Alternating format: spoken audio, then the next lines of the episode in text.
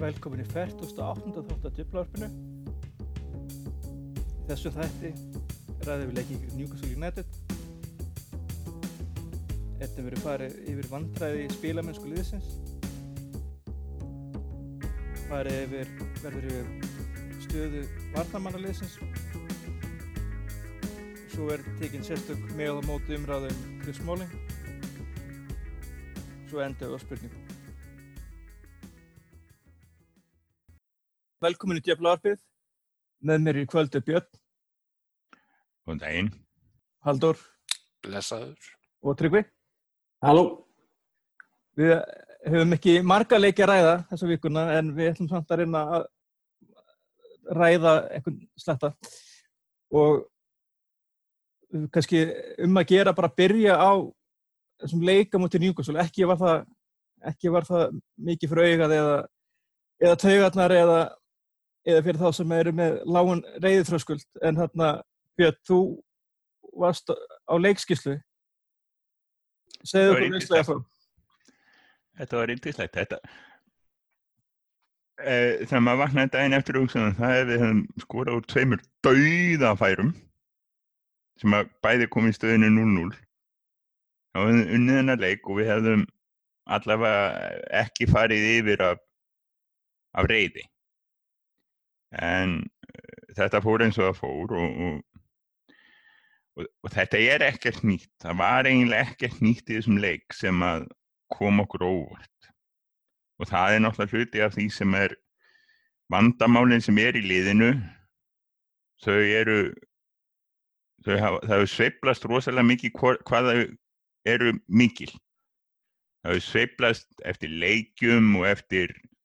hverjir eru að spila og eftir hverjir eru í stuði.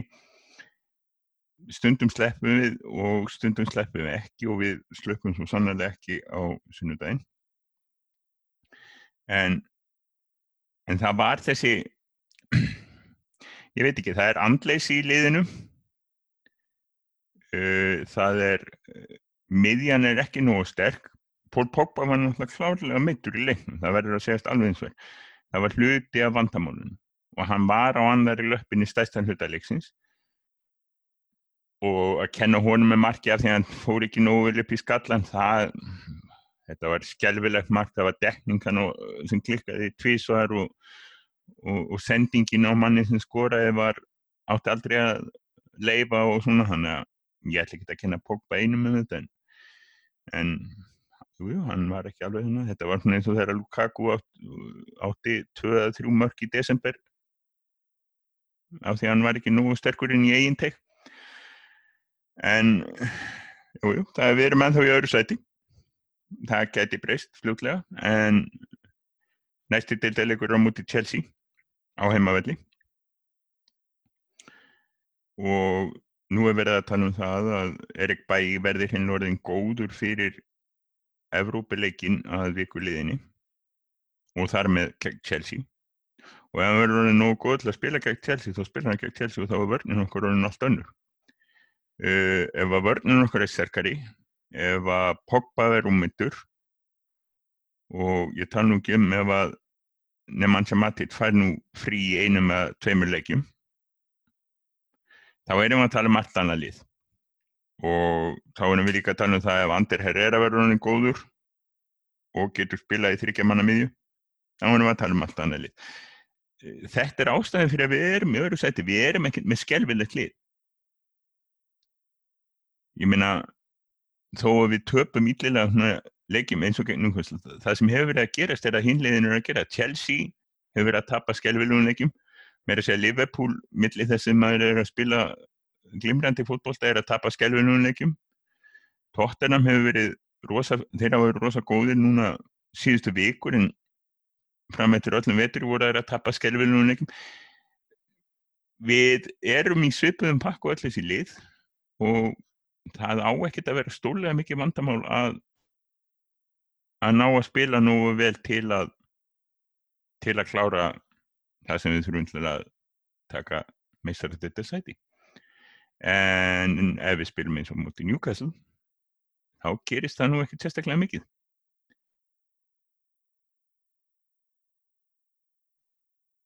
haldur, hérna,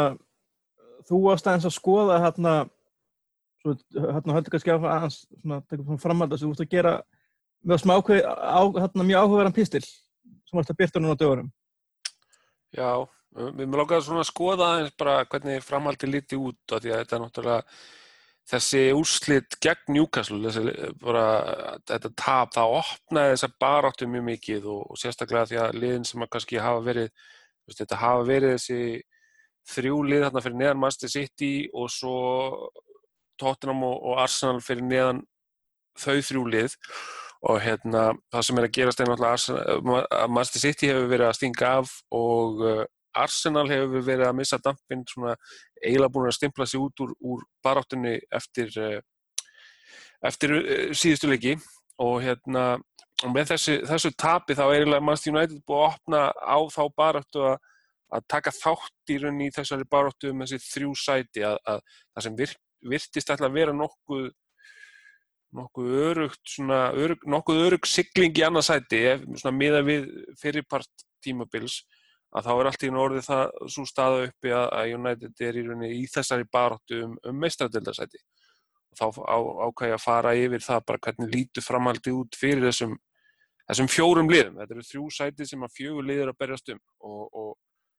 það, er, það verður bara að segjast sko, Manchester United er í bestu stöðunni af þessum liðum núna en framhaldið lítur ekki best út fyrir United. Það er eiginlega þessi lið sem að maður hefur svona kannski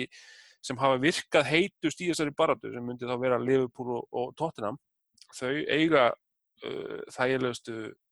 svona á bladi eiga þau þægilegustu leikina eftir á þessum lókaspretti og ég myndi segja eiginlega bara eins og með Liverpool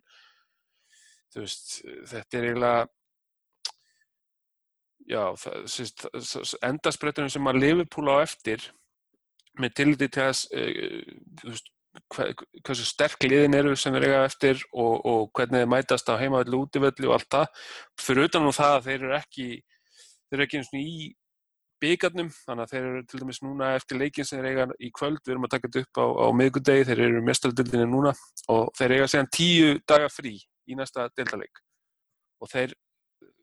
ekki, það er ekki koma frestanir á leikjum hjá þeim og meir segja ef þeir komast áfram í mestraldildinni að þá hérna, lenda þeir leikir í, í áttalegu úrslutum ekki kringum neina erfiða leiki í dildinni þannig að það svona bara ef maður tekur, tekur stuðun á þeim, þeim þá í rauninni Liverpool ætti alltaf að sigla þessu mestraldildisæti í höfn, bara þægilega. Þannig að hinliðin svona eiga mistremnaleiki, tóttanam nokkuð þægilegt svona á bladi og United og Chelsea sem hafa verið að, að högta um, upp, á, upp á síðkastið þau, þau eiga erfiðara prógram fyrir höndum heldur en hinliðin þannig að svo náttúrulega, þú veist, það er alltaf að leika sem þetta fram og tilbaka að það sem er erfitt á, á eða auðvilt á, á bladi það er ekkert endilega svo auðvilt þegar í leikinni komið, sérstaklega þegar þú ert að mæta liðum sem er í, í, í fallpartu eða, eða hvernig sem er og, og ef þú kemur ekki stemdur í leikin þá, þá tapar það fyrir hverjum sem er sko. þannig að þetta var allan að mér fannst þetta áhugaverð samantækt og, og svona fara yfir stuðuna þannig að ef maður bjart sín þú veist, kannski er það bara akkurat það sem þarf að, að eiga erfitt prógram fyrir höndum og þurfa þá að treysta á að, að ná framistöðum þannig að þú veist, þú getur ekki verið að sigla þetta í öðrum gýr, þú þarft að þú þarf það að leggja þig fram. Þannig að það er kannski, kannski er það til bóta, ég veit það ekki. Eh, Tryggvi, hérna svo ég gefur náttúrulega bóltan þig. Er ekki svona vandamál hvað, ég veit að þetta eru einmitt lélir í að gýra sig upp ef spila, ski, fara upp með gýr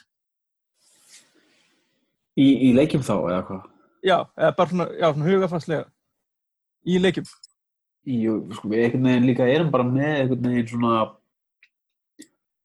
Veist, við erum eiginlega bara með eitt gýr, við erum eiginlega bara einhvern veginn í þriðja gýr sko. Veist, við erum aldrei upp í fjóruða gýr eða fyrsta gýr eða, eitthvað niður í annan eða fyrsta gýr. Við erum alltaf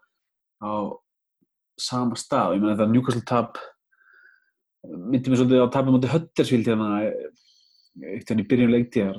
Var ekki fyrsta tabi í dildinni, við minnum það. Og hérna...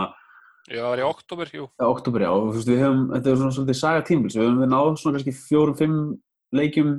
kannski fjórum, fimm svona taplösu leikjum, megnið af leikjunum er sigurleikir og svo kemur eitt tap sem einhvern veginn svona kemur manni aftur niður á jörðina og hérna, þú veist, bara ef maður rennur yfir tímbil þá hefur það verið svo, leið, svo leið, sko, hérna, veist, eftir hötturfyrirleikin fóru aftur á, aftur á ról, svo kom Chelsea tap. Og svo svona einhvern veginn gerist áfram og hérna, mann finnst bara einhvern veginn, þú veist, ég hef þessi nokkur en þetta eima þetta niður í það bara, ef Pól Pogba er ekki, ekki spilað vel, þá gerist ekkert hjá liðinu, mjög lítið alltaf, sóknarlega og hérna sérstaklega það, veist, það er ekki einhver sköpun og kraftur í liðinu og mann er að tala um það á þér mann finnst einhvern veginn sóknarleikunum er alltof hann er alltof tilhjóðunakendur sko. ef við tökum bara njúkvæmsleikin þá hérna fáum við ok, við fáum kannski fjögur döðafæri leiknum. Uh, tvöð er að koma eftir svona ágættis uppspil en hinn tvö koma bara eftir hopn og veist, þetta voru svona einu einu skotin líka við á marki í leiknum. Það hefur lítið að gerast. Hvað gengur að lítið að brjóta aftur á bakið slið og uh, Mourinho einhvern veginn þú veist, þetta er svo þetta virkaði aðruglega mjög vel hjá Chelsea á sín tíma og Real Madrid þegar hann var með mesta peningin og besta lið í deildinni, þú veist, þá garstu bara einhvern veginn svona silt í gegnum þetta, þegar þú ert komin að keppa mótið Pep sem hefur bæðið úr meiri peningasmóða og rúglega betri leikmann og öllum hinu liðanum í deildinni sem eru líka orðin öll miklu betri, miklu meiri pening litlu liðin er bara farin að eða miklu meiri peningi bæði leikmenn og örgulega líka í allan undirbúning fyrir alla leiki þannig að það er örgulega, ég held að það sé fyrir eitthvað auðvelt að mæta United í mörgum leikjum en undanþekningin er ekkert að náum að skora fyrst, þá kannski gefast heiliðin upp og,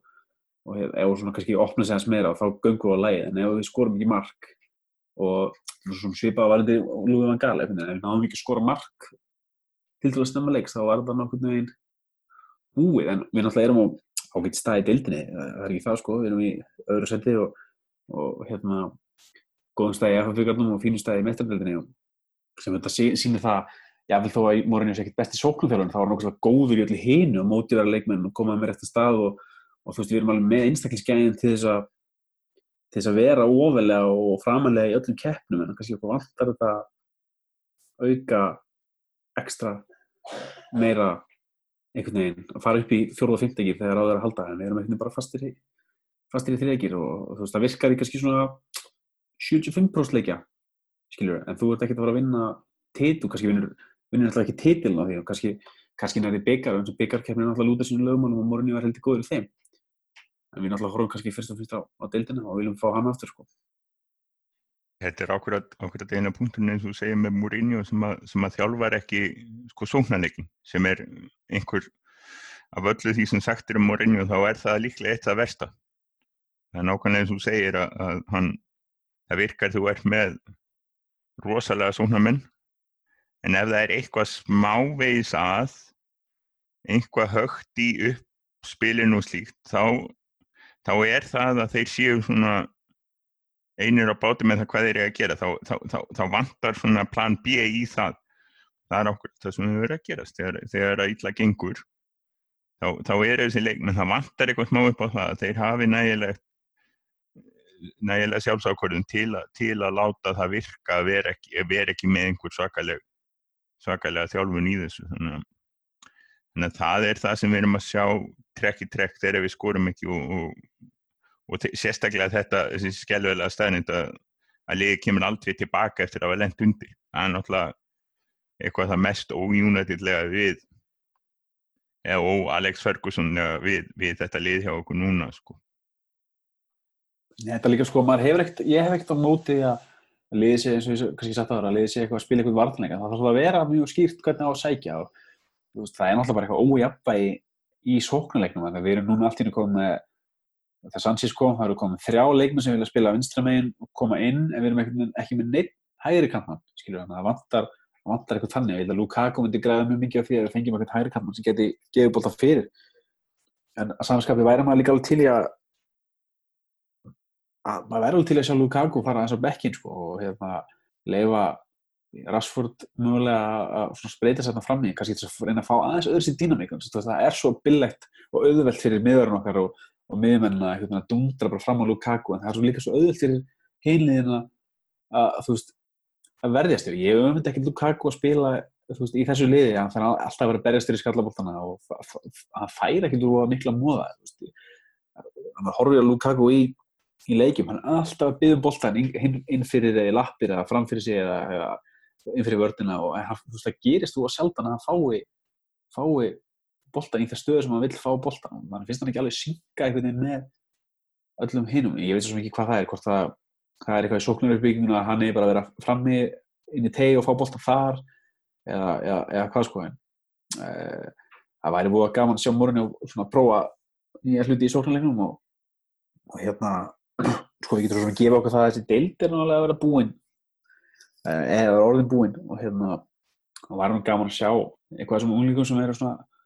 að vera að banka við þannig svo Angel Gómez og kannski maður að fara fram úr sem þegar vilja fá hann hann Tahith Chong í, í byrjunleginu, en akkur ekki, akkur ekki að prófa? Já, ef, ef þið geta að spila vinstraminn þá væri ekkert aðeins vegna þess að ég, ég, ég er ekki Alexis sá sem að myndi spila best vinstraminn af þessum nei, hægra meginn af þessum vinstramönnum ég, Ég veit að- allir munum á hægra og vinstri. Ég meinti það ef Angel Gómez getur spilað hægra meginn og er Alexis ekki bestur ef að við ættum að setja einhvern hægra meginn þá er það Alexis sem myndi gera það best Já, hann, hann hefur allan að mesta reynslun af því að hann hefur náttúrulega spilað með ýmsum liðum hann að hægra megin og ætti að þekkja þá stöðu mjög vel. Marshall hefur verið að núna í hvað, tveim, þreim leikjum og hann hefur virkað frekar tindur og Já, af því að Martial náttúrulega var, var hann ekki aðalega frammi hjá Monaco eða á vinstri kantinum Já. og, en ég meina hann hefur ekki sömu reynslun á hægra meginu eins og Sanchez spilaði þar með sko, spilaði þar á Ítalíu og Spáni meiri sér að fyrst þegar hann kom til Arsenal þá var hann hægra megin. já, hann- Hann ert þekkir þá stöðu miklu, miklu betur. Þú Þess ert líka, líka heldur sko. þú ert líka heldur ekki að spila sko Martial upp á fyrirgjafir.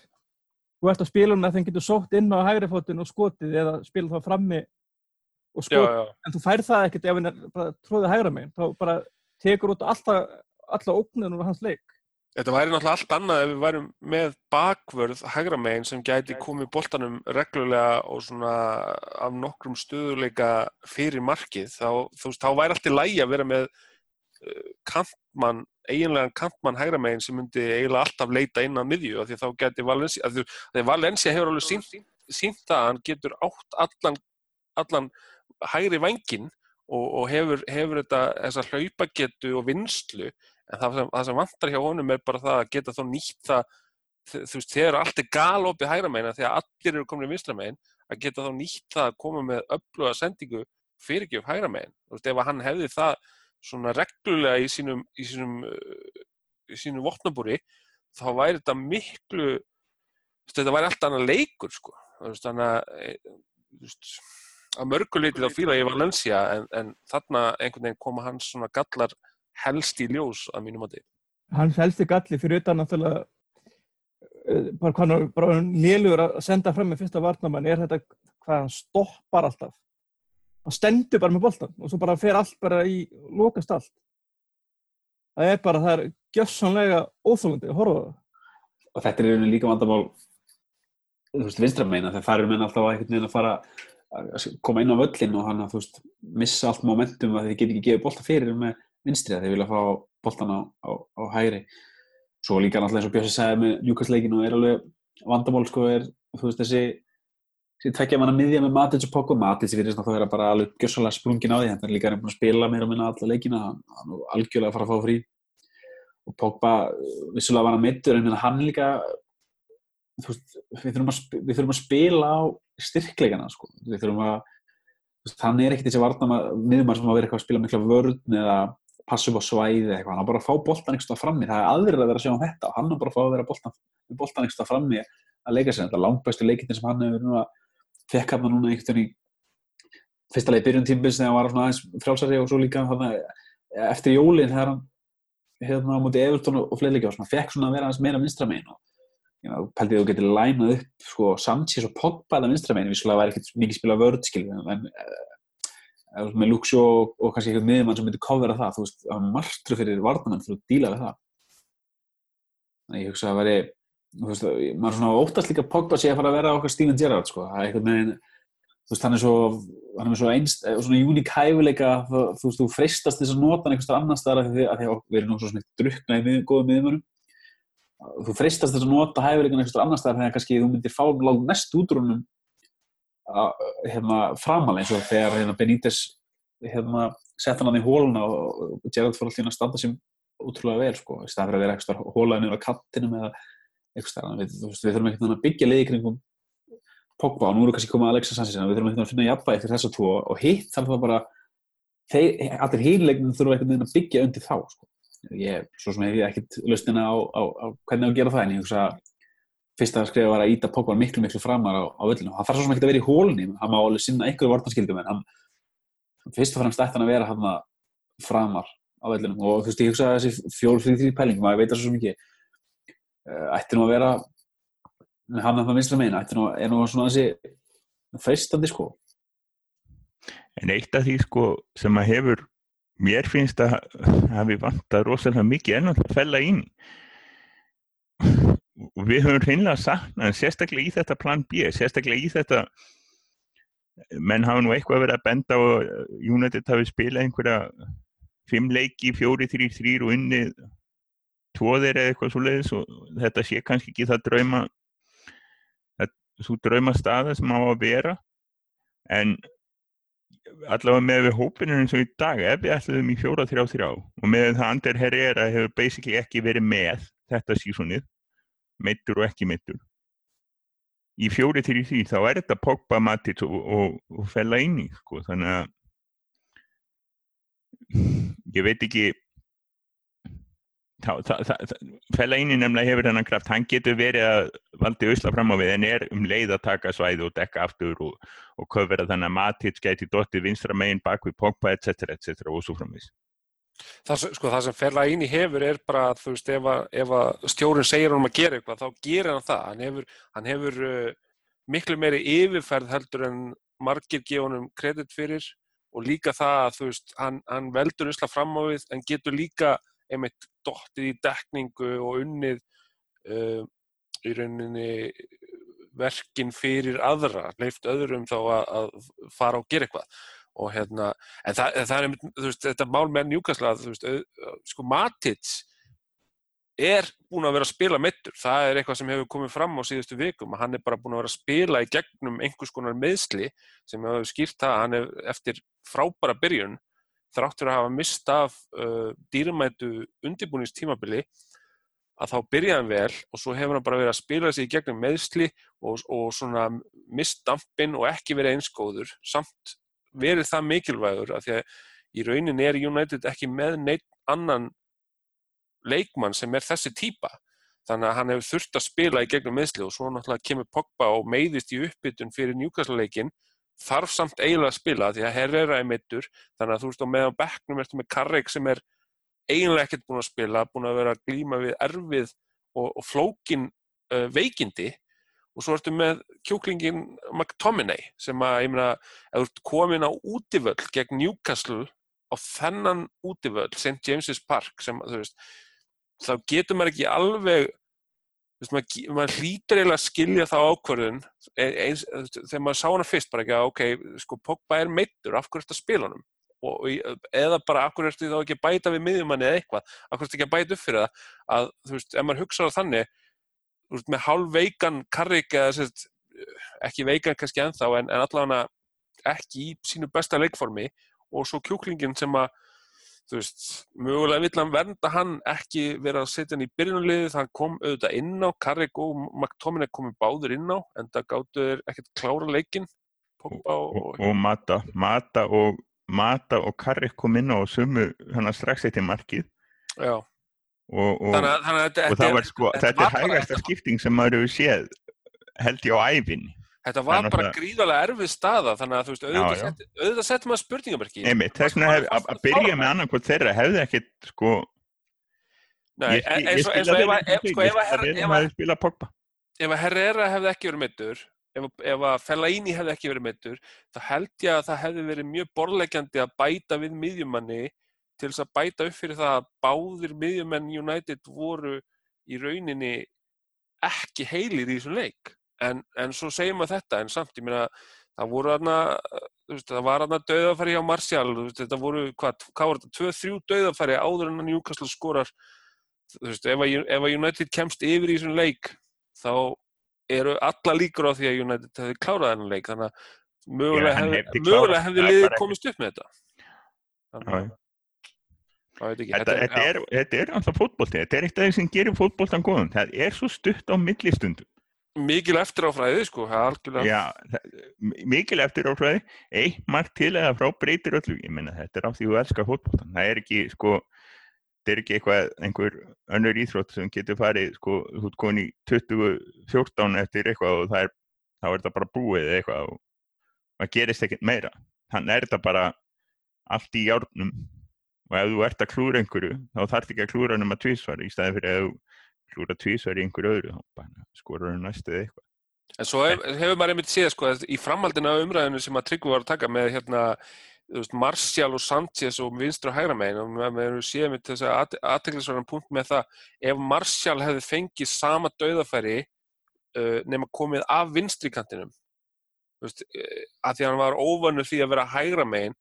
færi þetta dauðafæri opnar sig eins og er vanur tekur, veist, ég veit ekki, hann, hann svona eiginlega þrengdi færi fyrir sjálfan sig sem að, ég meina hann er ungur eitthvað sem hann ætti að taka sér til fyrirmyndar væri það þegar Ronaldo uh, þjálfaði sig upp í að klára færi á alla mögulegan máta sko að, að, hérna, að, veist, að bara vera deadly finisher að, auka við þann um, forða í, í vopnabúrinu að geta klára færi af öllum eða þú veist, það þurfi ekki endilega að skora ógeðslega flott mark. Þetta, þetta er svona svolítið sem maður hefur fundist stundum Rashford þetta í að vilja alltaf setja hann upp í samskiptin sko. Að bara, þú veist, þú bara ljót mörk telja jafn mikið og flott mörk. Að bara, þú veist, að, að, að finna uh, að, að, að þjálfa það. Þannig að kannski hefði, ef hann hefði komið hinum með frá markinu, ég veit ekki, en, en, en það, það allan að svona er þá eitthvað sem hann þyrfti þá að þjálfu upp og æfa og vera tilbúin í þetta hlutverk að ég meina auðvitað þegar kemur inn leikmaður í janúar og þetta er allt í einu eitthvað sem þú þarfst að æfa upp og nýtt að vera þarna hægra megin þegar þú ert vanur öðru þá, þá kannski gefur maður nú smá sjans í, í það að, að hérna, að þurfum smá tíma til að aðlaða sig Já, Já, já, það er að finna fegurðin í ljótleikunum, það er bara þannig. En ég, ég er alveg samanlega þessu, ég var ekki múin að spáða þetta, en maður hefur séð einmitt Marcial skora alltaf þessi mörk, hann opnar sig aðeins og setur hann svo á fjær sem er þá sem það tæra honum frá honum Það er líka eiginlega eina skot tíman þess að hafði eitt fyrir síðan, þú veist, setja ristinni í boltan, ég man ekki eftir því, sko. Það er alltaf opna sig og setur hann innanfóldar einhvern, einhvern veginn. og þarna var það einmitt, þegar hann gerði það þá var bara skotfærið orðið gríðarlega þröngt og þessi markmaður sem átti bara fárlega góðan dag, öflugur markmaður að hann, hann tók þetta bara með löppinni að hann hefur örugglega fylgst með DG, hann hefur lært þetta af mjög- honum Mjög markværsla. mjög Það er, það er alltaf þema, það er alltaf nokkrum sinnum markmenn eiga leik lífsins gegn stóru liðunum og Það hefur náttúrulega minkað hjá okkur, það var alveg að pláa hérna síðustu tvö-þrjú tímbil, sko, en þetta er nú, þetta gerist aðeins sjálfnar núna, sko. svo er það stundum í gamla dag að bara Tvítel átti alltaf, Já, átti alltaf, átti alltaf United, en var, var ekki líka Jussi Jaskalæðin, var hann ekki líka alltaf bara eitthvað hann átti nokkra góða, hann átti nokkra góða. hann er bara eitthvað nýhættur samt það kom óvart Ha, býtu, hvar var hann í Finnlandi þá eða? Ég veit ekki, það var að koma eitthvað, mjög stutt síðan ég sá bara eitthvað tíst um það, hann var í, búin að leggja hanskan á hilluna, ég held að hann var löngu hættur sko. Já, hann var hættur í einhverju sem skiptir máli. Já, En þetta var, en nú er bara svakalega tört framöndan og, og eins og við erum að tala um, við, við erum að horfa á það að tveir miðjumannir okkar sem hafa þurft að spila alla leiki sem þeir hafa með, sem þeir að annar borði er ekki á bara skurðaborðinu því sem næst. Og við viljum helst kvíla og eigum að sko það er höttisvítt og Sevilla það er Sevilla úti eða ekki Nei. jú, við, jú, jú, byrjum úti. Já, þannig að hvað erum við að gera? Kvíla Matic í báðum? Spila Mark Tominey? Það er spurning hvernig, hvernig hvort það hér er að vera tilbúin, ég, mm, sko, Fellaini er vantilega, þú veist, hann var í, var í skurða, skurðaðgerð, þannig að hann er ekki tilbúin. ég held að Mark Tóminni sé alltaf að fara að byrja mútið Huddersfield, sko, en það er þá spurning Já, já, það, það já, er- já, já, það verður að- það verður aðteklisverður leikur, af því að það náttúrulega er á þessum velli sem að United tapaði gríðarlega illa í oktober og, og ég er alveg sammálaðið það sem þú sagðir áðan tryggvi að, að tapi gegn Newcastle myndi mig alveg óþægilega mikið á þann leik sko. svona hvað einhvern veginn bara yfirbragð á liðinu var það sko. ég var reyndar orðin mjög bjart síðan á að United var að fara að sigla þessu á tíma í leiknum en svo kom þetta mark bara og þessi dífa og allt þetta Eftir marki þá vorum við aldrei að fara að gera neitt. Nei, og það er einmitt, veist, það er einmitt, það er svo mikið hluti af þessu, að því að, þú veist, eh, sko, förgi kvatti á tímabili, þar sem United setti einhvers konar met í að koma tilbaka, það var bara, þeir máttu við alla að lappa fram hjá fótboltafelli án þess að væri, þeir voru komin undir, sko. Það var bara, þú veist, það var alltaf þannig að þeir lendu undir einhver staðar og unnu sér bara til aftur tilbaka og maður hafði alltaf trú, hei þeir bara retta þessu, þeir skora bara, bara Van Persie eða Rooney, allir á móti Rooney, hann skoraði samt, eða, veist, það var bara, veist, þetta var einhvern veginn svo mikil förgi leið til þess að kveðja þetta félag, þetta tímabil. Og svo bara eftir það tímabil að hef, það bara hefur ekki skipt máli hver hefur verið að stýra liðinu, það er bara nánast undantekningalust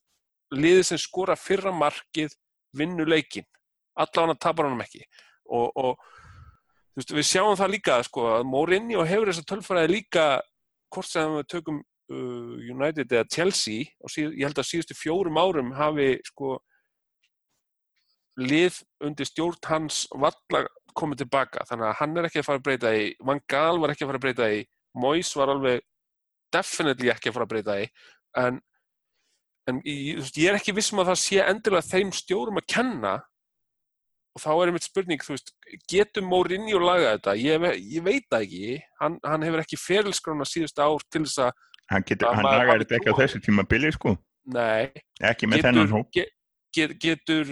geta réttur leikmannakaupin lagað þetta eða getur stjórabreiting lagað þetta? Ég veit það ekki, en þetta er allavega, þú veist, þetta er einhvers svona undirlíkjandi, einhvers svona karakter, eitthvað sem að erfitt að festa fingur á hvað þetta nákvæmlega liggur, en þetta er augljóslega eitthvað sem að háir liðinu, að því að, að, því að ég meina, ef þú ætlar að vera lið sem að vinnur titla, sérstaklega í deild sem er erfið, þá þarf þetta ekki sína þann karakter að koma tilbaka. Við sjáum nú hvað City hefur gert, hvernig þeir hafa uh, snúilegjum, hvernig þeir hafa náði seglu, stig og segra á síðustu mínútum veist, þetta er bara eitthvað sem þarf að vera líka til staðar. Það er engi spurning sko. þetta er þetta er svolítið asnalegt. Við erum alltaf að náttúrulega við og all, öll bara hafa verið að tala um hvað er hægt að gera og náttúrulega þó, það má alveg töðundan því að stuðningna Manchester United vilja kaupa, kaupa, kaupa, kaupa. En það er náttúrulega það sem að fótballtin er fann að ganga út á. Við, United er, spilar meira með unglinga heldur en að sé allir aðrir. Pepp er fann að monta sig að því að einhver 21 sem hann kifti á 30 miljónur og spilar svo sé dæmið það hvað hann sé að þróa ungling. En allavega við, við erum að horfa hvað þarf að gera til að bæta hlutinu og, og svo er talað um það. Við erum búin að vera að kaupa hérna framherja og, og sóknar sinnaða miðjumenn og svona og og núna er komið að vörnin og við erum búin að tala hér í kvöldum um bæðum bakverðina og við erum ekki ennþá minnst á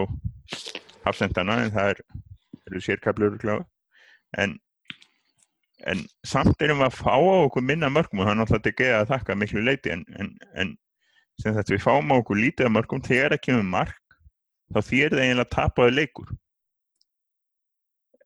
Erum við með oflélega vörn en samt ekki að fá okkur mörg eða, eða er það einhvern veginn að vörnin býr til vandamál fram á við sem er hugmynd sem að mér líka svolítið betur við. Það er að segja við erum ekki nógu sterkir í vörninni varnar miðjan er ekki nógu sterk og byggir ekki upp sóknin Við veist það mjög góð spurning að því við hefum út að það er mikið verið að tala um eins og fjóri, tveir, þýri taktík. Sem náttúrulega er bara náttúrulega til að vernda svona vörd sem er ekkert sko, hún er ekki frábúist frábær náttúrulega hversu oft, eins og segir, hversu oft hefur, bara í vetur hefur DG að vera að bjarga stigum og sigurum og veist, þessi hérna varna tölfræði, hún er svo villandi ef við ætlum að bara meta hana út frá við getum ekki að meta hana bara út frá hvað við fengjum mörg mörg á okkur við verðum að, að verður að dæma hann út frá sko, hversu mörg færi erum við að fá okkur. Þú var ekki einmitt gefa með eitthvað svakara tölfræði að verja eitthvað sem ætti að vera mark. Jó, ég held að hann hafi verið með langhæstu. Ég held að hann og hann að Pope hjá Burnley hafi verið með sko að verja flest skot á markið. Þetta er einmitt, eins og þú veist, það er oft sagt að United, já, United leggur bara rútunni. Ég meina, ef að United gæti lagt almennilegri rútu, eins og við höfum séð, sko, munið eftir Mourinho-líðum að leggja rútunni. Það var múr, sko. Þú veist, þú varst ekki að finna- var það ekki Mourinho með Chelsea þegar að United fór til Chelsea árið sem Chelsea var meistari undir Mourinho. Leikur svona aprilleikur ég man aldrei neitt lengur. Bara eftir, aprilleikur fyrir þremur árum. Og við áttum ennþá sjens og Mourinho lagði í rútunni og bara og stál sigrunum Já, neða, sko, ég man eftir, ég heldur svo eftir að tala um, ertu ekki að tala um leikinn hann þegar Eden Hazard skoraði sigurmarkið. Van Gaal fór á, á Stamford Bridge og var með 71% possession. já, Ég held ekki einu, ég held að, ég held að Mourinho hafi, ég held að það hafi verið tímabili áður en Mourinho vann titilin með Chelsea. Ég held að það hafi verið tímabili þegar ég sögðu, sko, að, þegar hann sagði að hann væri litli hesturinn eða eitthvað þannig. Mér minni það, ég, ég, gæti verið misminn í mér. Ég, ég man eftir, eftir þeim leik og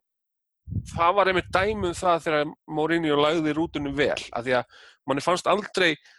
Van Gaal og United þeir voru bara eitthvað 71% po- possession á Stamford Bridge. Eftir að Hazard skoraði það var aldrei neitt annað að fara að gerast í þessum leik en að Chelsea var að fara að vinna. Og maður sér líka bara, ég meina Interliðið hans uh,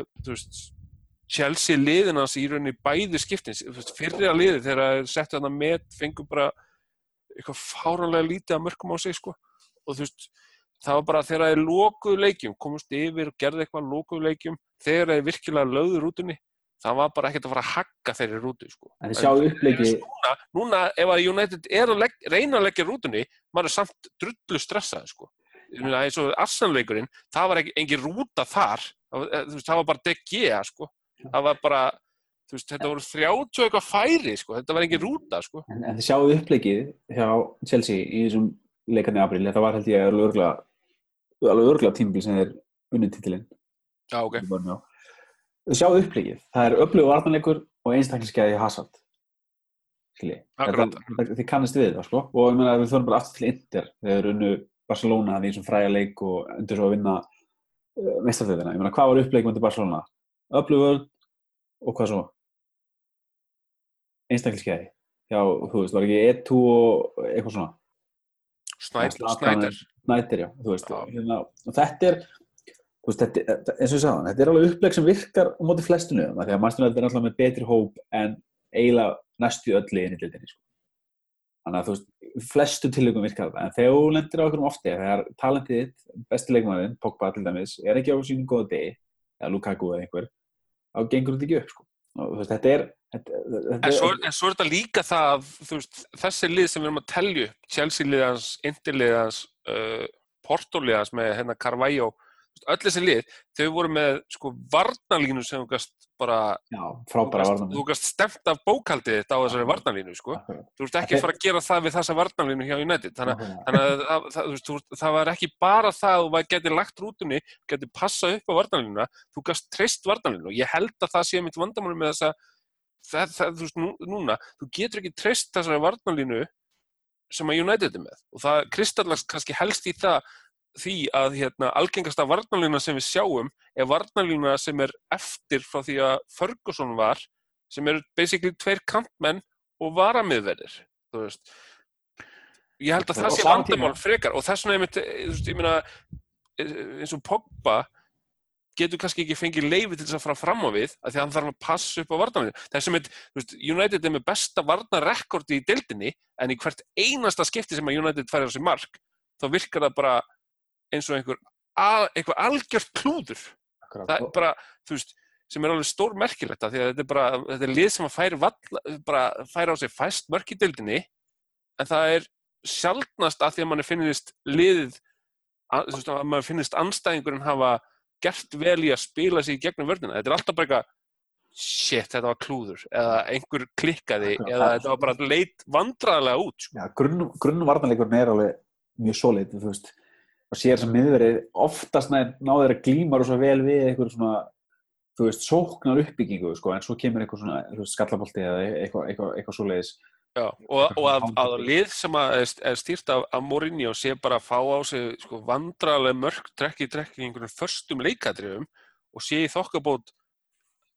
mjög sjaldan líklegt til að afreika sóknarmegin í föstu leikadrifum það er mjög spes sko. Já, og, Þeir, og, þeir halda bara henni ekki einbeitingu, sérstaklega ekki vinnur okkar tveir, Smalling og Jones, sem hafa náttúrulega fengið allan skítin á bakið og mörguleiti verðkuldað. Ég er að horfa á sagt, þetta, þetta rútulið Chelsea og vörnum var sem þetta aðspili kvetta Terry Cahill og Ivanovic sem á þeim tíma var rosaleg vörn. Og, og hann parkarið á miðuna Zuma og Matic. Þetta er rúta. Sko þetta er þetta er alveg rúta sko. Við, United getur þetta ekki. Ekki með, með hópin í dag og, og, og samtíma erum við að keppa við Master City sem er hérna, með veist, frábæran nútímalega stjóra og eigendur sem eru tilbúin til þess að þú veist, eins og kompani er svona pínu þreyttur, búm, þá hendaði 60 miljonum í nýja varnamann þú veist, Sani meiðist í, í, í, sex vikur sem verður skyndilega að verða ein vika eða eitthvað, eitthvað ótrúlega törubröð og þá hefur við ekki henda 80 miljonum í Maris og þú veist, og þeir hætta við Sanchez af því að Sani, er mann sagt allavega hann, neða því að Gabriel Jesus var meittur, veist, ekki af langa tíma menn heldur, veist eh, það er rosa erfitt fyrir okkur að vera að keppa veist, með uppleikja smorinjó og á móti City sem er bæðið með betra uppleg og meiri peninga til þess að bæta það sem vantar sko. það sem gerðist náttúrulega var þá meðan að þeir byðu í þrjú ár eftir að fá Guardiola þá voru þeir konum við vinnans í stjórastöðunar í, í sem það spyrnu stjórastöðunar, ekki framkvæmtastjórastöðunar eins og við kvöldum og eins og við höfum talað um, það er ekki sko, það er ekki sjens að Guardiola hafi ekki verið spurður um hver einustu kaup allavega síðustu tvö ef ekki þrjú árin á hann að tók við. Og á Þannig sama að- tíma erum við, að, erum við að ráða Mois sem spila eina tíma ráðum og kau- kaupir, ok, þetta er bara einn leikmann eða tvo leikmann, svo fáum við hérna, Van Gaal sem spilar allt öðru sér tíma fótbolta Mois og hann kaupir hellingarleikmannum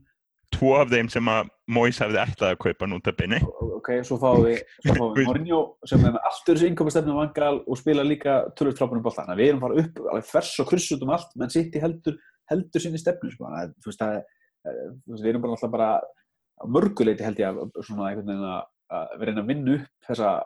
ó, þú veist, þetta er náttúrulega ekki stefna, við erum ekki verið með hennar stefnu. Nei, Nei, það- það náttúrulega, þú veist, að, að í- á, sko, fyrstu árunum af þessum tíma sem þú segir, uh, Móis tímabilið og svo fyrsta, veist, þegar Van Gaal er að byrja, þá er, er Woodward algjörlega grænt og er að læra þetta og er Já. bara með dólaramerki á augunum og er það í rauninni ennþá er, og sko, þannig að en ég, maður, En- maður veit ekki, en að, þú veist, sko, þú veist, hann er bara orðin besti vinur stjörnu umbúðsmanna og ég meina, þú veist, er það jákvætt þegar þú ert að reyna að móta einhverja stefnu í innköpumálum, þú veist, augljóslega er það á ákveðin átt jákvætt þegar þú vilt fá mjög góða leikmenn, en ef að þeir fara að ráða miklu, þá er það ekkert endilega jákvætt upp á það, þú veist,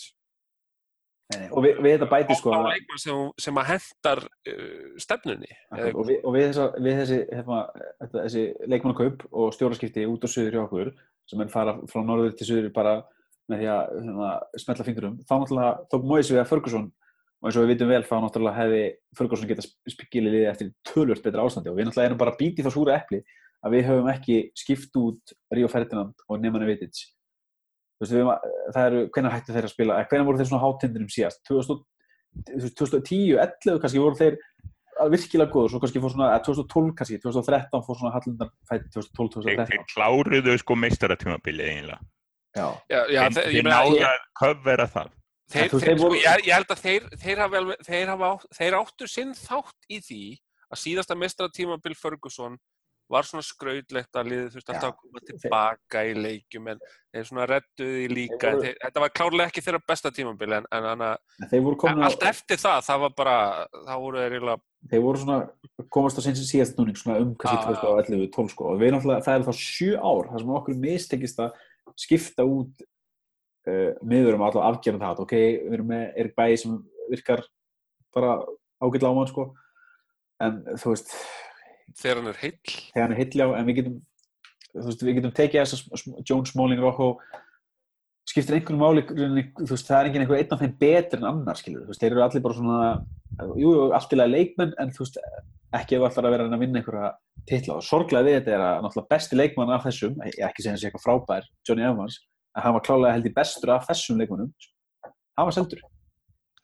hann, var, hann átti hann eitt drengt tímabil og, og Hann átti Gaal hann átti, hann, komst upp á kant við hann og eitthvað og hann, hrækti á leikmann Newcastle, það var ástæðan hann var seldur. Það var einn ástæðan. En, en það, þetta er ákveður þetta sem þú segir. Við erum með, og þetta er ekki bara vandamál í hafsendinu, þetta er vandamál við erum við erum með þessa squad-playera þetta eru fínir leikmenn til að vera með. Ef ef þú ert með annan hafsendin af þessari típu og svo einhvern Ríó eða Vítits við hliðin á honum þá er það flott, þá er það allt í lagi uh, ef þú ert með einn leikmann í vörnin ef, ef að vinstri bakvörðin hægri bakvörðin af þessari típu hitt er er toppleikmenn, þá er það allt í lægi. En, en, en það er bara svo orð, sérstaklega afturvikt, vegna þess að Woodward vinnur okkar, hann, hann er með stjörnur í augunum og bara, það er rosalega gaman að kaupa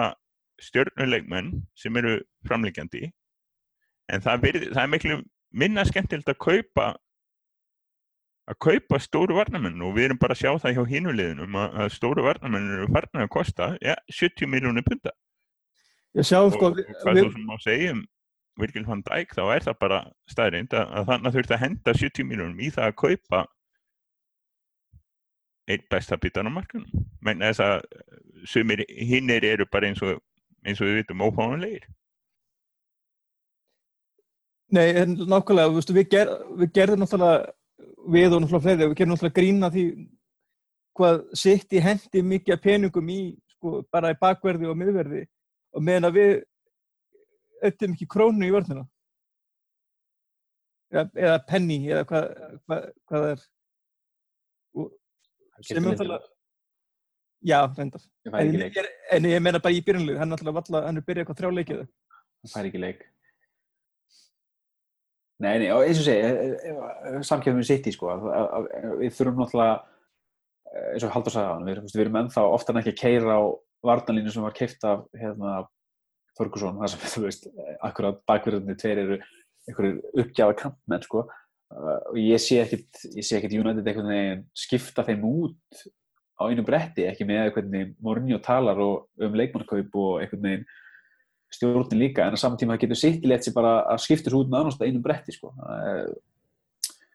Ég, við þurfum eiginlega að fara í svona sitt í stæl hreinsuna á, á, á vördinni, við þurfum að fá ok, við erum með Shaw, hann, hann lofar ágætlega góðu.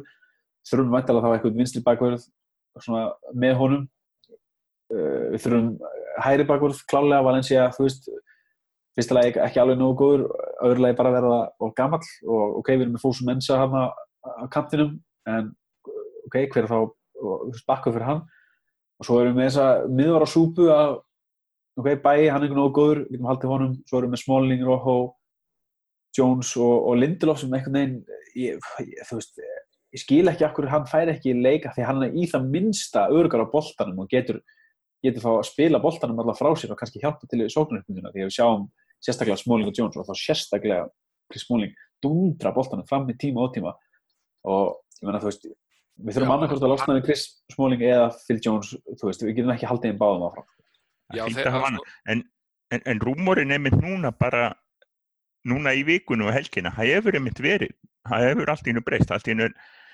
kom Aspili Kvett, nei hérna segi Tóbi Aldir Veirild inn í umræðuna er að vera þrítúur og, og myndi vera fýtt svona til að já hann er allavega ekki óreindur sko svíi. Það væri hægt að spila með Aldir Veireld og Bæ, það væri hægt að spila með Aldir Veireld, Bæ og Lindelö það væri mjög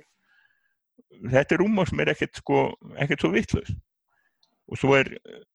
svo kemur nú ljós hvað það, það nú, það nú einhver rúmur sem segir að, að í sönn af öllum blöðum og allt það en, að Mourinho hafi skrifað þetta í nýja sannig afti hann eigi að fá að eða peningi sumar en alltaf alveg væntanlegt, það var búið að tala það svolítið niður en, en þá, það sem fylgdi þeir í sögu var það að það voru þrýr, varnamenn og miðjumann sem er nýtt þess að Það. Þú þarft ekki að líta hópin í smá stund til að átta það á þessu. Samt- nei, nei, þetta, er, þetta er svo basic Það er samt svo spesa, sko, það sem hann er alltaf að tala um að Mourinho eru tveir leikmenn, tveir leikmenn í sumar. Hann talaði um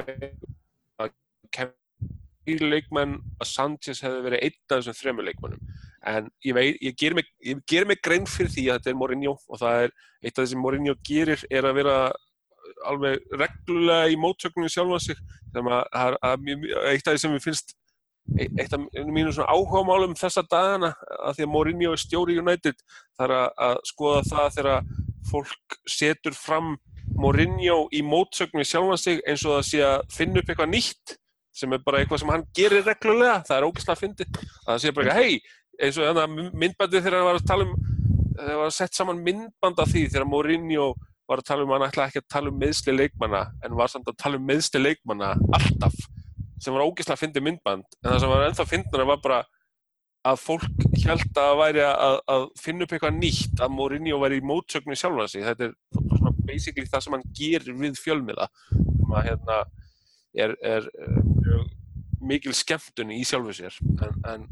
allavega að hann, hann heldur þessu fram tveir leikmenn, það er það sem hann segir ofinbilega þannig að maður, maður er fegin þegar að koma fréttur um það að mögulega verði þetta fjóra leikmenn, af því að maður getur auðveldlega að segja fyrir sér allavega fjóra leikmenn bara mjög öflug kaup sem myndi styrkja í liðið, af því að þú veist, maður horfir á það, ég meina, hvað er hann búin að kaupa? Sjö leikmenn síðan hann byrjaði. Á, á, á sama tíma og, og Pep er búin að kaupa 19 leikmenn sem er rúmlega sko hópur í leik veist, hann er búin að skipta út, hann er búin að kaupa tvo markmenn, hann er búin að kaupa varnalínu rúmlega það. Er, það, það sem er helsti munurinn á það að Pep fær, Pep fær að taka sjensa á leikmennum, það sem er sagt bara, ok, ef þetta gengur ekki upp á einu tímabili, þá getur þú skipt honum út strax næsta sumar, sem er, sem er áhætta sem að engin annar knaspindastjóri í ennsku úrvalstildinni getur tekið, ekki einu sinni Jose Mourinho, sem er hjá knaspinnifélagi sem er það stærsta og ríkasta í heimi. Þannig að þú veist, þetta, er bara munur. Þó ég meina, veist, ég, ég segi þetta ekki á neitt minnumáttakent, þetta er bara, bara, bara praktískur munur á rekstri knaspinnufélag sem knaspinnustjóri að hafa þennan luxus að geta stjórnarliðið þannig að þú getur tekið sjans á að kaupa 30, 40, 50 miljón punta leikmann og ef það gengur ekki upp á einu tímabili og sér það, þá getur þú skoblað hann út, tekið á þau tapið, keftið nýjan. Mourinho en, en, en þetta er einmitt málið sko af því að við erum að tala um hvað Mourinho segir. Það er ekki eins og hann sé einhver stjórnmálumar að lofa einhverju sem hann þurfa að standa við. Það er ekki eins og hann sé einhver konar uh, hann er reyndar að vinna hjá félagi sem er skráð á markað og, en hann þarf samt ekki að vera að segja sannleikan alltaf það er ekkert sem að krefur knattspyrnustjórum það að þeir eigi alltaf að vera informera líðin og, og bladamennum það hvað þeir ætla að gera Nei, auðvitað ekki. þannig að, hérna, þannig að það að hann segir tveir, það er bara eitthvað sem, og það er náttúrulega líka til þess að vera, ef þú- ert með hóp í höndunum sem er svona brottættur eins og hann er núna, þú ert ekki að fara að segja í janúar, heyrðu, ég ætla að kaupa fimm leikmenn. Ha, það er enginn að fara að segja það. Nei, það Nei, er er góð, mjög góð búndur. Þannig að ég held að, ég held að, sko, þetta er náttúrulega orðið brottætt hjá okkur þetta tímabil og, og hérna, það var góðu punktur, vegna þess að við vitum það sem fylgjum með sko við sitjum hérna på Ísland og við viljum okkar vengerbyggar og við viljum meistaradeildina og, og við viljum sjá meistaradeildin í sjónvarpinu og allt þetta. Og en við, en við sjáum það líka að stöðningmenn úti fyrir þeim er, eru byggar og miklu stærri heldur en fyrir okkur það var einhver af þeim United-mannum sem ég fylgja á Twitter sem var með skoðanakonunni mitt um það hvort viltu freka byggar eða meistaradeildarsæti. Og það voru einhverju 70% sem stöðu meistaradeildarsæti og við komandi og fleirum fannst að vildu miklu freka fá byggarinn en vandamáli sem ég sé við það ákvörðat þetta tímabilið er það sama og í fyrir raun og veru. Við, við björgum okkur á Europadeildinni ef að við förum ekki í meistaradeildina þá missir Mourinho líklega vinnuna. Og þá erum við aftur komin á sama stað við vorum fyrir tveimur árum. Með nýja þjálfara ekki meistaradildinni munum áfram fá, sko, ef við fáum góðum þjálfara, þá munum við geta að laða til okkur leikmenn, það er ekki stólega vandamáli en munum við vera að borga over the top. Kemur nýr þjálfari með nýjar áherslur munum við að, ég veit ekki hend út Lukaku eða semur ekki við Alexis eða eitthvað. Þannig að þannig að þetta eins og, eins og margi vilja reka Mourinho af mjög ígrundum ástæðum. Það er alveg ástæði fyrir því. Ég sé alveg ástæðinu fyrir okkur ákveð þessi fólkbólti sem við spilum ákveð þessi úslit, þau er ekki ásættileg en, en eftir allt þetta hring ef við þraukum þetta tímabil förum inn í meistæritildina, ég tala um ef við kaupum þrjá varnamenn og miðjumann og svo gerist eitthvað nættið tímabil og múrinju missi vinn, þá er allavega klúpurinn og hópurinn myndi verða á allt öðrum stað heldur en í síðustu þrjú skipti sem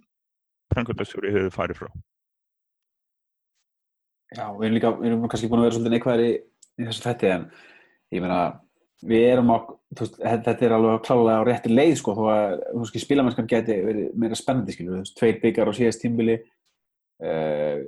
við höfum, ok, þó að sitt í sig eitthvað sem búið að stinga af, þú veist, við, staðinni dildin hefur aldrei jafn góð eftir frá því að, hérna, svona hætti, þannig að þetta er alveg hægt og bíndi að mjagast rétt átt og ekkert hægt og bíndi, bara að þokkarlega hraða, gallin er náttúrulega bara þetta sittli er að skekja allar saman eins og Haldur fór hérna, og við höfum að tala um þessi þetta og hérna, þú veist ég hef ekkert miklu trúið að Pep verða eitthvað í þessi tíu ár sem hann hérna, alltaf sé að vera hann ég kemur ekkert orð en það er farin eftir einhver, einhver, einhver tvö árin. En þú veist við þurfum bara akkurat að fá betri leikmenn og hérna svona pressa á það og íta, íta þeim einhvern veginn íta, íta á það sko. En við erum, þú veist, allt tala um einhvern brottrekstur eða að láta reyka morgunni en alltaf bara bara kæfta það eins og staðan er akkurat í dag sko. Já, er samanlega og við getum tekið þau muna kannski ef við förum ekki Champions League en, en, en það eru meir ég held að fljóttanum verður meir líkur en minni á því. En hérna við vorum hérna við erum svona komað lítilinn á en við ætlum að hérna að henda upp hérna fyrir hönd Runóls sem er eiginlegaður upptekinn þegar kemur á podcastum. Og þá er hérna við erum búin mikil umræð núna um Chris Smalling og við erum búin að koma inn á hans skallasöldi og hérna Björn, þú ert með nokkra punta frá hann Runólfi þannig að þú ert svona hans proxy. Og svo er ég til ég að fá já bara frá tryggva eða jafnvelhalduri bara svo sem, svo sem sterkari skoðanir á, á hennum komið kannski svona punktana gegn. Og, þarna, og pælingin er kannski að reyna að gera þetta kannski í hverju þetta, taka kannski einn og einn leikmar svona, og taka svona rauk miða móti. Ég held að við getum báðið komið með punta á móti runnólfi í þetta skiptið. Já, ég, ég, ég verði víst að láta einhvern næja það vegna þess að ég fæ að vera verja krismóli þetta, þetta er runnólfur er reyndar ekkert alveg ósamála þessu sem við segjum með, með að þetta séu fimm svona jafn, jafnni leikmenn en hann segir það klárlega að, að hann sé svo besti af þeim. Hann tekur tímabili hjá Van Gaal þegar að Smáling var besti leikmaðurinn. Og hann hefur verið einn af þeim skárið núna í vetur. Á aðalega sko náttúrulega líka hluta til af því að hinnir hafa verið símeittir og, og eru sagt, the cycle of Jones eða hvað maður á að kalla sko meittur koma tilbaka úr meðslum spila sér upp í að vera frábær skelvileg mistök meiðist. Það er Phil Jones. Chris Smalling hann hann, hann hefur ekki verið að gera eins mikið af þessu fyrir bara und, núna upp á síðkasti af þessum mistökum og það sem Brunólfur vil meira og ég held að þetta sé hérna svolítið rétt í honum hann, hann skorar meira en hinn meira en hinn til saman þannig að hann er sóstjárveri þannig að ég held að aðal uppleggi sem ég held að verða að koma með til varna kristmóling er það ef við ætlum að, að, að reyns út þessa já, Lindelöf er fyrir framtíðina bæi er góður þegar hann er ekki mittur en af og þremur uh, Smalling, Jones og Rojo ef við ætlum að halda einum þá verður það Chris Smalling og ég, eh, þegar að Runónu segir þetta þá er ég ekki alveg ósamála. Phil Jones er vissulega einhverjum tveimur árum yngri en uh, minna treystandi. Markus Rokko var voru að fýta hana með bæinn tíma í fyrra en hann er bara sko maður sem að eh, fer inn á völlin með guldspjald á bakkinu í raun og veru í hverjum einasta leik og er heppin að fá ekki, fá ekki sko rutt í hverjum einasta leik líku við. Þetta eru, þetta eru alveg punktar sem maður má ver, nota til að verja Chris Smalling. Þannig að ef við, ef við horfum á það, við erum ekki að fara að henda út bæi og við erum ekki að fara að henda út lindurlöf, þá er byrjingin, ef við hendum út einum að hinu þrjumur, eða tveimur af hinu þrjumur, er það ekki Chris Smalling sem ætti að verða eftir? Já, þetta er ágætis punktar og ímslega til þessu sko. Uh, ég man mjög vel eftir þessu hérna, tímbili hjá hann undir stjórn Vangal að hann var, hann var virkilega góður það er alls ekkert að taka það á hann en hann byrjaði það tímbili ekkert sérstaklega hann mjög heimskuð drautfjöldum út í Master City einhverjum en einhvern veginn fekk aftur trösti og þú veist það sem ég fannst skína í gegn þá að hann fekk einhvern veginn svona mikið tröst frá Vangal og svona hann var, var sjálfströst í hann en núna mér finnst það ekki, mér finnst það svo skýnað gegna það treystir honum, held ég, og treystir honum held ég voða fáir í liðinu, maður sér það bara einhvern veginn framann í honum sko, hann er voðalega stressaður í öllum leikjum. Og líka bara þegar hann fær boltan til sín, fylgist þið bara með þessu í, í næstu leikjum, hann, hann hérna, hann dundrar hann vel alltaf í mjöftu, þetta var sérstaklega greinlega þá búin tóttina, hann verðist að vera mjög stressaður því að vera pressaður þá, því að hann fekk bóltan og dundrar í burtu. Og ég man eftir að tveið-þrjum skipti með þinnleik þegar Phil Jones leita á hann og bara sagði bara, hvað er það að gera? það var engin í orðum að hann dundrar í bóltan í burtu. Þannig að hann þarf eh, mjög mikið sjálfströst og mjög mikla ásteldi til þess að blómstra eh, sem miður. En, en hann hefur klálega sína kosti. Ég er svo sem gef ekki mikið fyrir að hann skora fleiri mörg ég held að þessi mörg sé þá mestalega 2-3 og við skorum hvort þeir aldrei úr hodni þannig að þetta er kostur sem kemur aldrei einhvern veginn til áluta og svo var líka á hann veist, þessi, þessi dífa á Newcastle trúið ekki mér með einu eigum hann fyrstulega er hann að sóla menn hann á miðlunni sér að eitthvað leikmöðunar komið komi í hann og hendi sér niður til að fá sér guldspil til að fiska aukarspinni og þetta er alveg ótrúlega ákvörðun sem að, miðverði að taka í þessari stöðu. Og þú veist hann er svona einhvern veginn ekki alveg alveg nú klár eða veginn skilfa mér finnst sko af þeim kannski helsti kosturinn að segja að hann er sjaldan mittur en mér finnst Phil Jones af þeim tveim er að hafa tekið meiri framförum og verið miklu, miklu, miklu, miklu betri hérna, miður en það er eins og segir eiginlega vandamálum hann maður getur ekki tristið hans í mittur en þú veist við þurfum bara við þurfum bara betri leikmann Krismólingi í þessa stöðu, það held að hann sé aðalrökinu, þú veist, hann er alveg allt í lægi og er auðvitað fín hvert sem hann fer og við þurfum bara meiri gæði hvernig viltu losna við að þessum þrejum? Segjum við kaupum tvo hafsendi í sumar, segjum við kaupum tópi aldrei á reynsluna og einhvern svona meilumskóðan frakka eða einhvern sem er ekki umtíti og ekki, ekki varani. En svo staðan er í dag, þá myndi ég losa, losa við Róhó og, og, og Smáling, Haldur Jóns. Ég finnst Jóns hafa sínt það á þessu tímbili allavega undarfærðina, hann er kannski undarskildur sem sjálfsmarki búin tóttina, það finnst mér að hann er ofta að retta hinulegnunum, ná svona síðustu tæklingunum og réttu stöðum. Mér finnst hann að eh, einhvern veginn uh, stíð upp en uh, við þurfum líka eiginlega betri leikmann hann sko, þannig að ég, þú veist, það er ekki látt á millera, ég er ekkert eitthvað er ekkert mjög afgerðandi val sko. Þeir sem hafa spilað mest hjá United af miðlunum eru Chris Smalling og Phil Jones og það, mjög, það er svolítið áhugavert að því að sko maður sá að Runolfur lagði mikla heimildavinnu í það að skoða tölfræðina bakvið það til að verja sinn mann Chris Smalling. Og, og ég verða virða, virðan fyrir það því að mér finnst veist, þótt ég sé ekki samanlónum þá, þá fíla ég það. Og, og hérna og það, hann kom með góða punta og helsti punkturinn er það að Chris Smalling er mjög sjaldan alvarlega mittur og sko mér er ekkert ídla við Chris Smalling en ég fýla Phil Jones betur þótt hann hafi gert þessi mistök að það mótið tóttunum og sko ef við, ef við tölum til dæmis um það uh, sem er svona helsta vandamáli með sko að bera boltan upp öllinni eða senda boltan ok, svona einföld tölfræði, uh, sendingar fram á við. Phil Jones er með 200 fleiri sendingar fram völlin heldur en Chris Smalling og Chris Smalling hefur spilað 19 leiki en Phil Jones hefur spilað 21 leik. Þannig að þetta munur ekki það miklu en Phil Jones er að spila miklu meira fram á við og ef við tökum þetta miða við 90 mínútur sem er svona hlutfalslega mögulega sangjarnast í samanbyrðin að þá er Phil Jones lægstur af öllum miðverðunum. Þannig að bara svona það að koma boltanum fram á við að þar er í rauninni liðið að tapa á því að hafa Chris Smalling inn í liðinu. Og það eiginlega skýrir sér sjálft að þú veist þegar við erum að taka svona pjakk eins og Lascelles hjá uh, Newcastle sem kemur og segir þeir vissu ekkert hvað er átt að gera við boltan þú veist, tala um Gaur sem er bara, hvað hva er hann, 25-6 ára gammal nei, ekki það, hann er 24 ára og búin að vera fyrirliði Newcastle í tvö ár. Hann er hérna, og hann segir bara já, þú veist, gaurarnir vissi ekki hvað er þetta að gera þetta er eitthvað svona dæmi sem að bara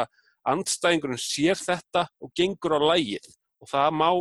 í sjálfu sér kenna báðum miðurunum um þetta.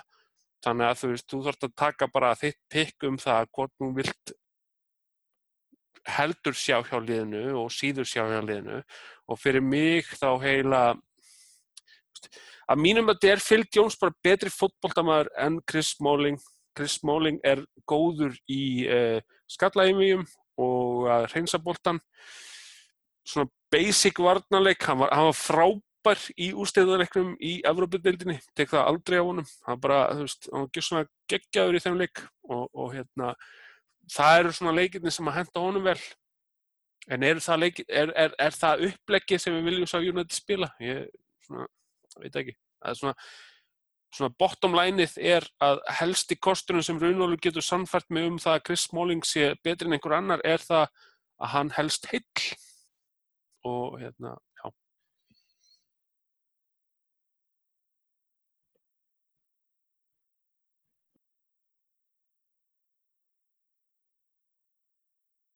Kannski framhaldið þessu þá held ég að í leiknum búin Newcastle áttum Phil Jones og Chris Smalling heldur að átt sex sendingar á Pogba í öllu leiknum sko. þannig að hann er ekkert þú veist, þeir eru ekkert einhvern veginn að þjónusta þessa þessa, þessa leikmann sem eru fyrir fram á það þeir eru oftar en ekki og bara skora á hlustundur að horfa á þetta næstu leik að þeir og sérstaklega Chris Smalling eru bara í því að dundra fram þegar þeir fá tækifæri og þú veist, kannski er það upplíkja á morinu eða svona alltaf að kenna þeim um það sko en, en En þetta, þetta allan að hjálpar til þegar þú ert með sko tvo miðjumenn í þessu kerfi sem eru báðir meittir og þú ert með miðverði sem þóra var að vera með boltan þá hjálpar það ekki upp á svona heildar dæmið sko. sem að gerir í rauninni ákvarðunina um að byrja ekki með Lindelöf en það fyrðulegri. Af því ég meina augljóslega, ég meina Lindelöf Huddersfield, það ekki? það bara Lindelöf- er- maður hefur ekki um hann þú veist, það var alltaf minnst á hann í einhverja mánuði sko. Nei, en, þú veist. En Lindelöf er samt með tölfræði sem að sko toppar, þú veist, ef þú veist að tala um bara svona, þú veist,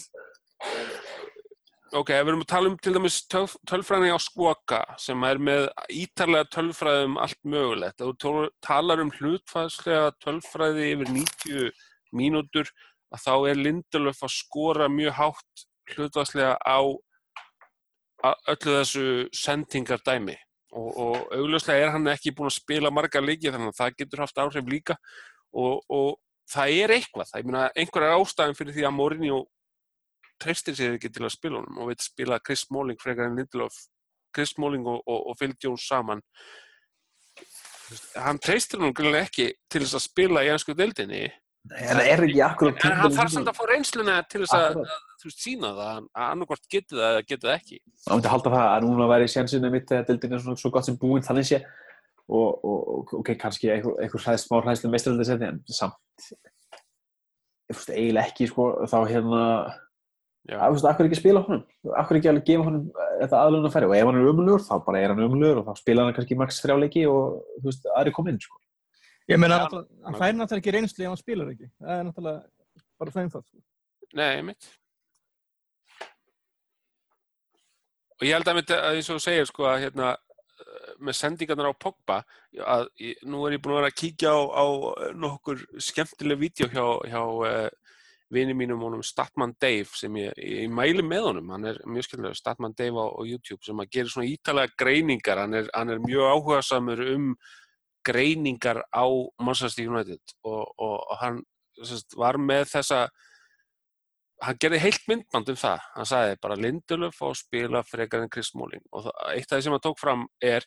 að hann, sko, Chris Smalling getur ekki gefið, hann hreinsar úr vörninni en hann er ekki að gefa langa sendingar og það er mikill munur á því hann er ekki, hann er ekki að gefa boltan á Lukaku, En hann er bara að dundra boltanum í paniki Það er eitthvað. Já. Og Valencia gerir þetta líka, til dæmis. Þannig að þetta er svona leikmenn sem eru stressaður á boltanum. Við þurfum að fá fleiri leikmenn sem eru ekki svona stressaður á boltanum. Já, og það, ég meina, það, það er líka smitandi og það, það er bara akkurat veist, ummælinn hjá Lascelles eftir leikin segir bara að Newcastle gekk á lægið að því þeir sáu bara, veist, vörnin er drullu stressuð. Og ekki Newcastle er að mögulega með versta leikmannhófni í sér deild. Sko. Já, það, þú veist, ég meina, er, sko, ef það er ekki nóg kvartning fyrir lið að John Joe Shelvey sé í miðjunni, þá veit ég ekki hvað á að hvetja þetta lið til að, að spila hann meðlega, sko. Að Það er einhver mest óþólandi leikmaður í ennsku úrvarsleitinni og hann var besti maðurinn á vellin, það er bara fárlegt, sko. En allavega, það, þú veist, að, að, að, sko, hann átti ekki hefnaða sendingu á Lukaku sem að, þú veist, það hefði geta breytt ímsu eða veist með leikmann sem getur pikkað út Lukaku af því að Lukaku það má segja ímislegt um Lukaku. Það má segja um það veist, að sumi vilja sjá honum skipt út fyrir einhver, einhverja, einhverja öðru sér típu af uh, framherja og eins og þú varst að segja á þann tryggvi að fá bara eitthvað nýtt, eitthvað nýtt dynamic, eitthvað nýtt í gangi. Mér finnst Lukaku hafa bætt sig bara í, á, á mörgum sviðum í þessum svona að fá boltan um, halda boltanum og spila boltanum að- taka boltan og, og hérna, koma um áfram að að taka þátt í spilinu það er eitthvað sem að, meina, það er allt þetta grín sem að hefur verið gert að því að hann er ömulega fyrsta snertingu og hann sé bara one trick pony flat track bully, allt þetta. Uh, mér finnst hann vera að bæta sig í því að hann tekur þátt í, í, í sóknarum sést bara á því þetta gullfallega tækifæri sem hann bjóð til fyrir Sanchez sem hefði þetta að skora en tók þetta, þessa snertingu og, og, og fekk sér kaffibótla og ég veit ekki hvað hann gerði. Og hérna þannig að þú veist, mér finnst að vera að sig í því. Þannig að ég vil ekki sjá Lukaku tekin úr liðinu af því að mér finnst að vera að standa sig vel þótt hann sé ekki að skora eins mikið og hann gerði í byrjun en, en það var líka að hann byrjaði mjög vel. Þannig að hérna, en allan að Smalling er ekki að finna hann, hann bara, það er ekki séns. Og hann, að því að hann er að dundra, hann er ekki að senda, hann er að dundra. Og pluss það, ég held að hann hef átt basically af öllum sendingum sem átt í leiknum og ég held að hann hafi verið með sendingahæstu leikmennum United í leiknum þá átt hann sex snertingar á leikmenn fyrir framann sig sem eru Matic, Pogba, Sanchez, Martial, Lingard, Lukaku. Sex hefnaðar snertingar á þessa leikmenn. Annað var á Jones eða Valencia eða mögulega Young.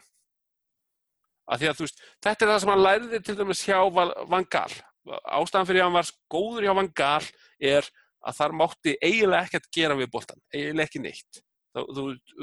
hann var góður í því að verjast í því, tækifæri- í, í því, því uppleggi að því að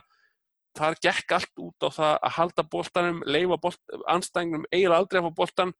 gera nánast ekki neitt hættulegt við boltan og, og það var bara, þú veist, þú máttir ekki gera neitt sem að mistókst, hann og gafst bara næsta mann, helst boltanum, allt, allt bara ok, og anstæðingur sagði bara, ok, ef, við viljum fá stiga á móti United, þá bara leifum við um að dúta sér með boltan, sko. Þannig að, þú veist, um leiðan þarf að gera eitthvað við boltan, þá getur hann ekki. Hann getur ekki gert neitt kreatív. Ég treysti Phil Jones aðeins meira til þess að gera mögulega eitthvað hættulegt við boltan. Þannig að. Þannig að ef, ef að valið væri á milli þeirra tökja og, og í rauninni myndi ég alltaf telja sterkari vörn United væri að hafa hvoraðum þeirra í byrjunliðinu en annar hvorið þeirra er öflugur squad player þá myndi ég freka velja Phil Jones. Mitt val. Akkurat, ég vil taka eitt með, hérna, sem ég sagði með Lukaku, er, ég er alveg samanlega, Lukaku er hérna, búin að gera margt mjög vel og er, hann að vera að spila ofta alveg einna best í leikjum og, oft sá leikmaður sem er svona að reyna hvað mest að sækja, hann er frábær fyrirgjær, hann er búin að búa til fullt af færum og allt það. Það er eiginlega fárlegt að hann sé á topp þremur yfir bestu leikmenn hvað fyrirgefi snertir. Akkurat, hann er, hann er virkilega góður, hann er eiginlega En hann er hann er eiginlega besti hérna, krossarinn í, í, í þessu liði að Já, það er, það er eiginlega Mögulega, fáránlegt, þú sko. ég meina, það er hann, Pogba Já, og, þú veist, hérna- hver annar? Matan, ég veit ekki. Ég, nei, ég veit ekki, kannski matað eitthvað, ég veit ekki, ástæðan sko, fyrir að ég var til að sjá bara Rashford fá prófram með, bara þess að fá öðru sér dýnamík í það lið, sko. Að þess að sáum við fyrir það að Slatan var alltaf einhvern veginn frammi og fristingi var alltaf bara að negla Slatan og mér finnst þessi fristingu er ennþá fyrir hendi með Lukaku, þeir eru báðið stór og stæltir fyrir fyrir Já. miklu og, hérna, þannig ég væri til að fá að aðeins minni leikmann sem var kannski öllítið svona hreyfanleiri, ég veit það ekki, að, svona, og veist, Lukaku eh, þó hann hafi bætt sér í sjöttaspilinu, þá held ég að Rashford sé umtalsveit betur hann í, sjöttaspilinu sko. og bara þess að fá já, nýja dýnumík inn í þetta svona, aðeins að svona Já, já, það, það er góð punktur, fáðu bara til að hugsa öðru sig, það bara hrist upp í það. það, er svona pæling, ég var til að sjá ég- þetta prófa. Algjörlega. en ég, eh, sko, Lukaku, ég er mörguleiti mjög hrifun af hann, mér finnst hann einmitt oft vera sá leikmann sem er að reyna hvað mest í, í, í leikjum að sækja, maður sér líka bara oft hvað hann er oft komin í góða stöðu og er pyrraður við að fá ekki boltan sko. og ég var oft svolítið pyrraður fyrir hans vend líka að hann skulle ekki fá boltan Já, það er stór merkilegt, af því að oft er hann einmitt að taka hlaup og gera eitthvað sem hann bara, þú veist, maður sér svo augljóslega e- að eru það eitthvað hættuleg? Og það, þú veist, það fær mann til þess að pæli því hvort það sé eitthvað í gangi, ég veist, hann virkar ekki eins og típan sem er eitthvað svona að falla illa inn í hóp, þannig að ég veit ekki alveg hvað það ætti að vera að koma í veg fyrir það að menn myndi, þú veist, að að það, þú veist, það er ekki eins og hann hafi verið eitthvað brjálaðislega slakur í að nýta tækifærin. Þannig að af hverju ekki að gefa stungusending að gefa einhverja, þú veist, þegar hann er að, er að taka þessi hlaup, sko, ég, ég fatt það ekki. Það, kannski er þetta kannski er þetta ekki það sem hann er að gera, kannski er þetta meira sjálfströsti eða, eða bara svona yfirbræðið yfir liðinu. Af því að maður, eins og maður segir veist, við tökum eftir í þeir sem að kommenta á síðun okkar hvort þeir eru sammálaðið eða okkur eða ekki um, um stjóran eða whatever. Veist, það, það er það sem að flestir eru að tala um er þetta yfirbræð yfir liðinu og, og, og bara sjálfströstið og hvað er í gangi með það. Þannig að þú veist það er rauninni það skiptir engum máli hvernig þú stillir upp ef að lið hefur ekki nægilegt sjálfströst í það sem það er að fara að gera eða eitthvað svoleiðis. Þannig að þú veist hvað liggur vandinn, það er svona helsta, helsta, helsta spurningi sko. Já, við hérna, ég hugsa að við komum svona ekki mikið lengra með, með þessa pælingu, allan ekki í, í þessu þætti, en hérna, okkur bárust spurningar hérna á öllum vikstöðum fyrir þáttinn, og þar af Facebook, Twitter og, og hérna, og af rauðudjöflandi.is og og ég, var svona að merkja við nokkra spurningar, en, en eins og gerist bara sundum með spurningar er að það er verða er oft þannig eðlis að, að það er svona, er svona, svona tekið veist í umræðinu eins og við erum að gera líka, líka langu þáttur orðin og en hérna ég vil svona bara neymdroppa eins kannski, bara þannig að gefa mjög smá svona kredit bara að láta vit, menn vita að við vorum að skoða spurningarna og, og það var pælingin. Eins og Arnar Gunnarsson spyr á Facebook er ekki komið tím á Smalling? En við, við tókum hérna magnaða hérna, umræði hérna, virkilega flotta og svo var hérna svo var hérna spurt um sko hvort það ætti að reka móra og eitthvað þannig og við náttúrulega sem er náttúrulega bara rugg hérna það væri samt hægt að, að væri, væri hægt að taka duglega umræðu um Mourinho og sérstaklega því að þú veist, eitt nafn sem var helst í umræðinu var til dæmis Pochettino. Það, ég meina kannski ekki tímapunkturinn til að ræða það en það væri mjög áhugaverð umræða og bara á, af, af öllum hliðum þess, þeirra umræðu. En svo hérna, já, nokkulega, það er mikið rétt. En svo á Twitter þá barst okkur spurning frá Hallmari. Og það er sem spyr hvað er hægt að laga vörnunu hjá liðinu? Og ég held að við séum nokkur meginn búin að koma inn á það að það er, er það mögulega þessi kaup í sumar og mögulega sala af einhverjum þessu þrejum eða jafnvel á tveimur af þessum þremur. Og hérna og svo og síðan við hérna spyr Egil G hvort að hvort við varum til þess hérna hvernig við sæjum Lindelof hvort hann, hann telist flopp eða framtíða leikmar svona með að framönda vera vantarlega hreinsanir. Hérna aftur sjá okkur við, við tókum það bara virkilega skil tókum það bara mjög skilvirkilega og sérstaklega Haldur kom vel inn á hans kosti og svona og, og hann náttúrulega er eftir að dæma hann náttúrulega bara að spila fáa leiki og hérna og svo Karl Garðars kom þetta með fína spurningu. Hérna hann vildi spyrja hérna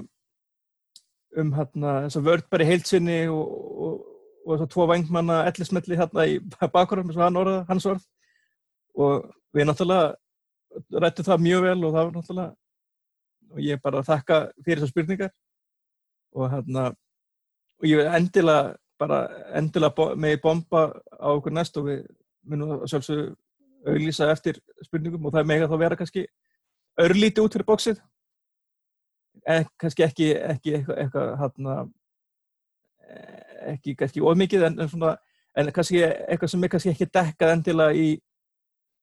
í svona almennri umræðu um hópin og framöftur og þannig og, og, og því líkur. En hérna en ég vil bara enda þetta á því að þakka hérna